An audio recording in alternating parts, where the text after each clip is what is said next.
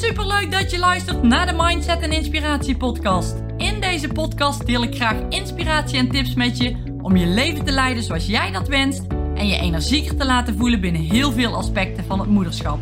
Ik ben Tamara, moeder van twee dochters, met een bult motivatie voor jou en dol op alles wat met mindset te maken heeft. Mijn missie is om jou te helpen je dromen na te streven, waarna jij verlangt, zodat ik jij een fantastisch energiek leven creëert. Klik op abonneren, start met luisteren en ben klaar voor een bijzondere transformatie en mooie inzichten, welke life-changing gaan zijn. Hi lieve luisteraar, wat leuk dat jij weer luistert naar mijn podcast. En vandaag ga ik het met je hebben over een spiegel zijn. En hoe kom ik nou op dit onderwerp? En dat komt eigenlijk omdat ik zelf iets deed. En ik kom er zo meteen even op terug. Ik deed zelf iets naar mijn kinderen. En ja, ik kreeg een enorme spiegel voor me. Dat ik dacht van oké, dit gebeurt mij dus ook nog regelmatig. En ik weet ook zeker dat jij van de voorbeelden die ik straks ga noemen ook dingen gaat herkennen. En ja, de podcast die ik nu maak, die gaat dus over die spiegel. Maar ook over de dingen die je doet, waarom je ze doet en waarom je kinderen ook dingetjes doen die ja, je misschien wel of die je misschien niet leuk vindt. Maar goed, daar gaat deze podcast dus over, want ja, hoe jouw kind zich gedraagt is echt een reflectie van jezelf. En dit is echt zo. En dat kan hard aankomen. Hè? Mijn kind is toch gewoon een eigen individu? Ja, dat klopt. Maar in de eerste zeven levensjaren ongeveer, dan nemen kinderen echt als een spons alles in zich op wat ze horen en zien. En ze nemen dit dan ook als waarheid aan. En, en hier draait het dan vaak om. Kijk, jij hebt bepaalde normen en bepaalde waarden meegekregen, die ook jouw ouders weer mee hadden gekregen van hun ouders of van hun opvoeders. En zo gaat het heel ver terug. En ja, jij neemt ook bepaalde dingen daarin over, die jij weer overbrengt naar je kinderen toe. Maar goed, waar ik het in deze podcast dus over wil hebben, is iets wat ik zelf zie om me heen en waar ik zelf rete bewust van ben geworden bij mijn eigen kinderen. En ik wil hier absoluut niet suggereren van, oh kijk meis, ik ben een perfecte ouder. Helemaal niet, want dat is absoluut niet zo. Maar ik wil je wel graag mijn inzichten delen, die ik zelf dus bij mezelf heb ontdekt. Maar wellicht dat jij dit ook herkent en hier ook iets mee kan doen. Als het bij je past natuurlijk. Want hoe vaak, en daar betrap ik mezelf ook echt nog op, roep ik iets van onderaan de trap naar de kids als ze bijvoorbeeld boven zijn. En dit was eigenlijk de aanleiding van mijn podcast die ik nu maak. want dan, dan roep ik onderaan de trap iets naar boven. Uh, maakt niet uit wat. En even later zit ik beneden. En dan roepen mijn kids dus van boven aan de trap naar beneden. Waarop ik dan weer terugroep. Kom maar even naar beneden, want zo versta ik je toch niet? En hoor je wat hier gebeurt? Ik doe dus iets of deed iets wat mijn kinderen exact nadoen. Maar ik vind dit geen fijne manier en ik corrigeer ze daarop. Terwijl ik het zelf eerst precies zo voordoe. Precies op diezelfde manier. En je bent dan zo bezig met je dingen, je bent je daar niet bewust van, maar het gebeurt wel. En dat moment dat je je daar bewust van wordt, dat is alles veranderend want ga maar eens na. Schelden je kinderen bijvoorbeeld wel eens? Ga eens na hoe vaak jij dat woord zegt of andere naasten. Ben jij bijvoorbeeld gestrest en geprikkeld, dan zul je zien dat ook je kind net op dat moment boos wordt of dat er iets niet lukt. En dit, hoe klein die voorbeeldjes, dingetjes ook zijn, het zijn allemaal spiegels. Wil jij dat je kind minder vaak achter een scherm zit? Hoe vaak kijk jij op je telefoon? Of hoe vaak zit jij achter je laptop? Wil je dat je kind gezonder eet? Geef dan zelf het goede voorbeeld. En zorg dat je er bij je kind de focus niet te veel op legt. Ze nemen het toch wel over. En des te meer jij gaat zeggen dat hij zijn bord leeg moet eten, alhoewel ik er zelf helemaal geen voorstander van ben, van het bord leeg eten, maar goed, des te meer zal het tegen je keren. Het komt wel, maak het jezelf alsjeblieft niet te moeilijk. Oké, dan pak ik heel even een klein zijsprongetje. Want ik zie dat heel veel ouders tegen hun kinderen zeggen dat ze hun bord leeg moeten eten. En dit betekent in mijn ogen dat ze als ze vol zitten dus toch door moeten eten. Hallo, latere eetstoornis. Ja, zo kijk ik er in ieder geval tegen aan hoor. Maar ik pak hem nu even zo, ik zeg hem nu even zo tegen je om het te verduidelijken. Maar je snapt wat ik bedoel. Waar komt dat vandaan? Waarom moet het kind dat op die manier doen? En ja, het zal echt wel eens voorkomen dat je kind niks eet, omdat het niet lust, of omdat het zegt dat het genoeg heeft, maar het niet lekker vindt. Maar een bord leeg moeten eten, omdat men vindt dat het hoort of dat het netjes is, daar kan ik echt mijn pet niet bij. En dat is hetzelfde voor dat als een kind moet blijven zitten tot iedereen klaar is. Oké, als je dan één minuutje bijvoorbeeld mag wachten, maar als het tien minuten duurt en het wordt een strijd, wat dan? Is het dan een waarde die je over hebt genomen van je ouders? En waarom vind jij, jijzelf, deze dan zo belangrijk? Is, is het je waard om die strijd ervoor aan te gaan? Want wat als je kind wel eerder van tafel gaat en er is geen strijd?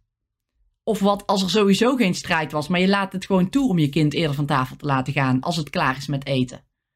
Wat zijn echt jouw waarden en normen? Is het omdat het zo hoort? Of omdat je denkt dat het zo hoort? Of is het echt omdat je het heel belangrijk vindt? Bij ons bijvoorbeeld mogen de kids gewoon van tafel als ze klaar zijn.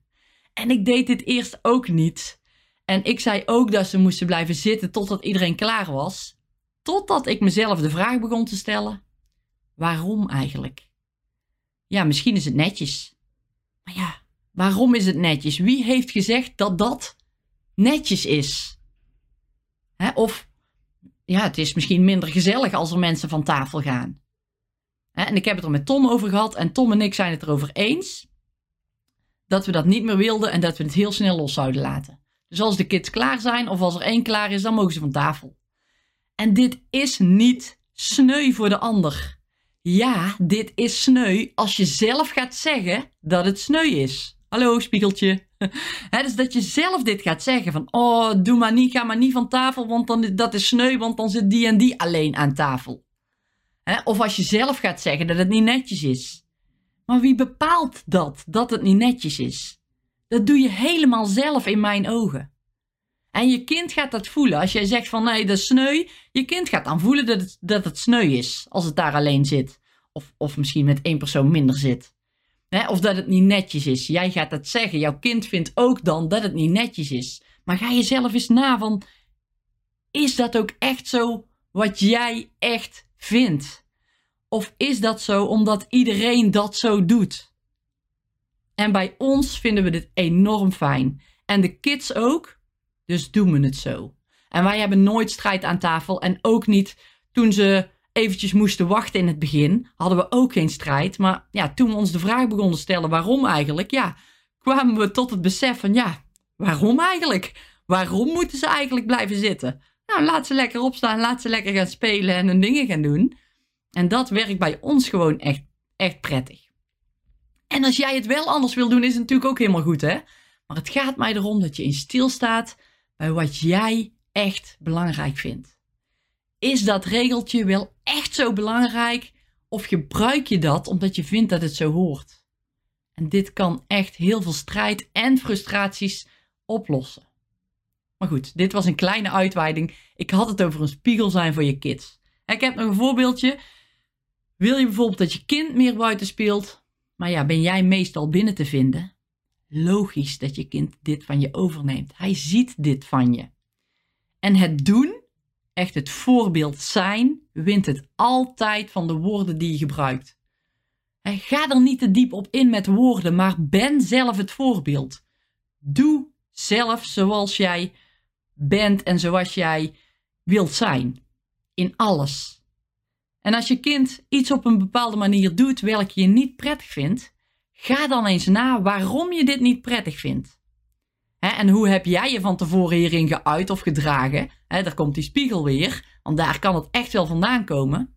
En als je hem dan wat dieper wil pakken, kijk dan eens of dat regeltje of die waarden en normen die je je kind mee wil geven, echt van jouzelf zijn. En wellicht komen ze uit je jeugd of van je ouders die je dit zo mee hebben gegeven. En jij reageert zo omdat je denkt dat dat zo hoort volgens jou. Maar eigenlijk kom je er misschien wel achter dat het helemaal niet bij je past. Of dat je zo eigenlijk helemaal niet wil reageren of wil doen. dat, dat je eigenlijk helemaal niet zo belangrijk vindt. En ik zou dan zeggen, pas het aan. En kijk dan eens wat voor impact het heeft. Het kan je leven op sommige vlakken echt een stuk makkelijker maken. Voor jou, maar ook binnen je gezinsleven. Maak het niet te moeilijk. Doe echt wat goed voelt voor jou. Beter kun je niet doen. Je doet het dan vanuit je hart en vanuit de liefde voor je kind. Wees lief voor jezelf en daardoor ook lief voor je kind. Zorg dat je met zoveel mogelijk plezier door het leven gaat en neem je kind daarin mee. door met plezier, echt met plezier dingen te doen, dat te doen, kijk maar eens wat dit voor uitwerking heeft.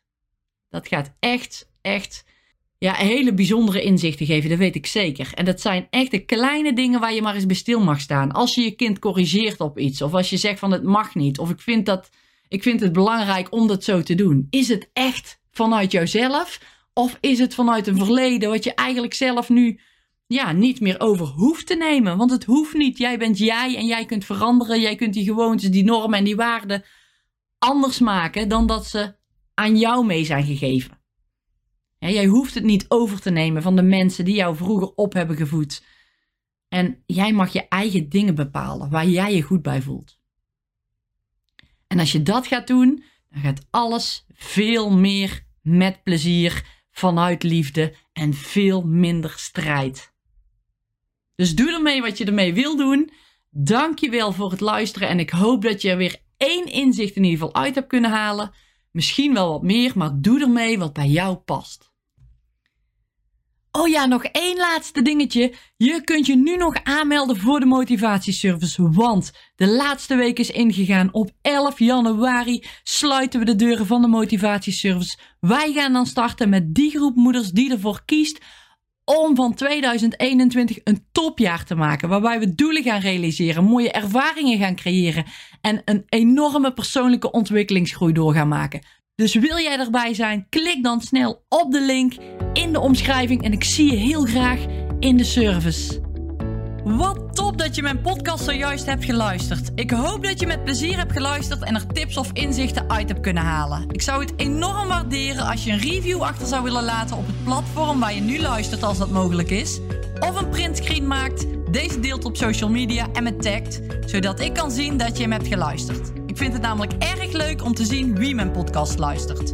Dankjewel voor het luisteren en tot de volgende podcast.